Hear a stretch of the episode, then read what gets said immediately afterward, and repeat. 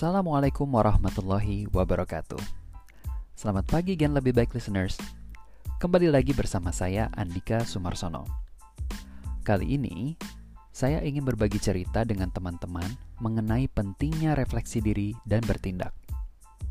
Mengenai refleksi diri dan bertindak, saya jadi teringat film favorit saya sepanjang masa, yaitu Shawshank Redemption. Film ini dibuat di tahun 1994 dibintangi oleh Morgan Freeman dan Tim Robbins, dua artis Hollywood kenamaan dari Amerika Serikat. Film ini pun dinilai sangat baik oleh para kritikus film dunia. Tokoh utama dari film ini bernama Andy. Andy adalah seorang banker yang dituduh membunuh istrinya. Alih-alih mendapatkan kesempatan untuk membela diri dan mendapatkan keadilan, ia malah dijatuhi hukuman penjara seumur hidup. Pada awalnya, ia merasa terzalimi. Ia berbicara kepada sesama narapidana bahwa ia seharusnya tidak berada di penjara tersebut. Ia seharusnya berada di luar karena ia tidak bersalah. Ia seharusnya tidak melakukan seluruh pekerjaan yang ditugaskan kepadanya. Karena sikapnya itu, ia dianggap tidak mematuhi peraturan yang berlaku. Akibatnya, ia sering disiksa oleh para penjaga penjara sekaligus dikerjai oleh sesama narapidana karena mereka merasa Andy bersikap merendahkan mereka. Setelah berlangsung sekian lama, Andy pun merasa harus melakukan perubahan. Ia tidak ingin merasa sengsara. Andy melakukan refleksi diri mengenai apa yang ia dapat lakukan ke depannya. Setelah mengobservasi keadaan sekitar, akhirnya ia berhasil menggunakan keahliannya sebagai banker untuk membantu kepala penjara dan penjaga dalam mengurangi pajak mereka. Kepala penjara dan penjaga merasa senang sekali dengan hasil kerja Andy. Karena merasa sangat terbantu, mereka pun memberikan jaminan keamanan bagi Andy, sekaligus menugaskan Andy pada pekerjaan yang tidak terlalu berat. Ia pun tidak pernah lagi dikerjai oleh narapidana lainnya.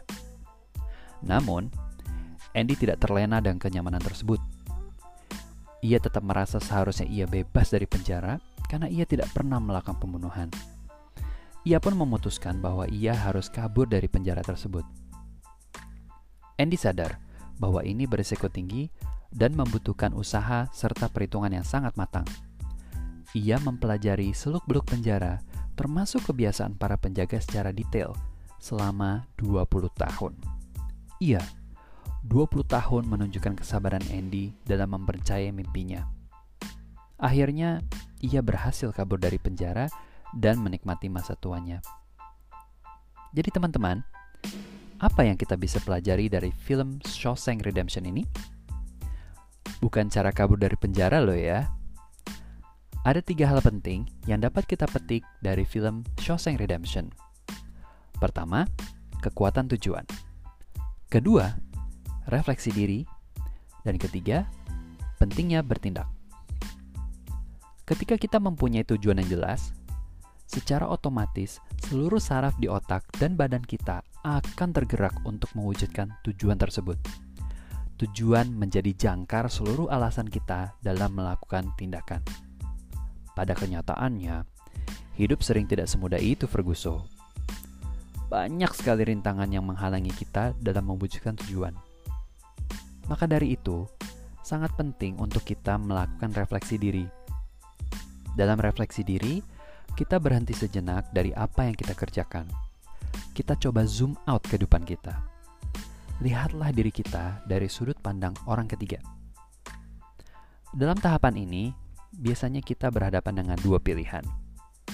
Pertama, menyalahkan keadaan dan merasa sebagai korban Hal ini sangat mudah untuk dilakukan karena pada dasarnya kita tidak perlu melakukan apa-apa kecuali mengeluh dan mengeluh.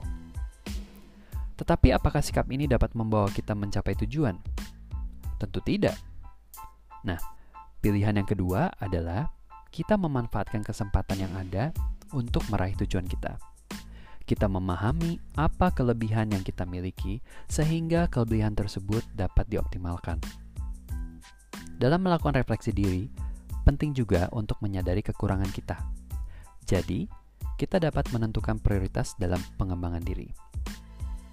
Teman-teman, refleksi diri akan sia-sia kalau tidak disertai dengan tindakan. Tindakan yang berorientasi pada tujuan dan didasari oleh hasil refleksi akan membawa kita selangkah lebih maju kepada tujuan kita. Kegigihan dan keahlian yang selalu diasah yang akan menjadi pembeda antara individu yang berhasil dan yang tidak.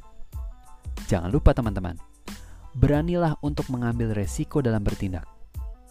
Mantan petinju nomor satu dunia, almarhum Muhammad Ali pernah berkata, Seseorang yang tidak mempunyai cukup keberanian untuk mengambil resiko tidak akan pernah mewujudkan tujuan hidupnya. Jadi gen lebih baik listeners, kita sudah memahami pentingnya refleksi diri dan bertindak.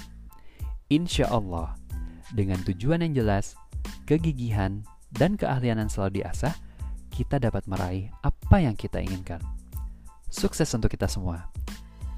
Terus dengarkan Gen Lebih Baik Podcast, karena belajar nggak ada batasnya. Wassalamualaikum warahmatullahi wabarakatuh.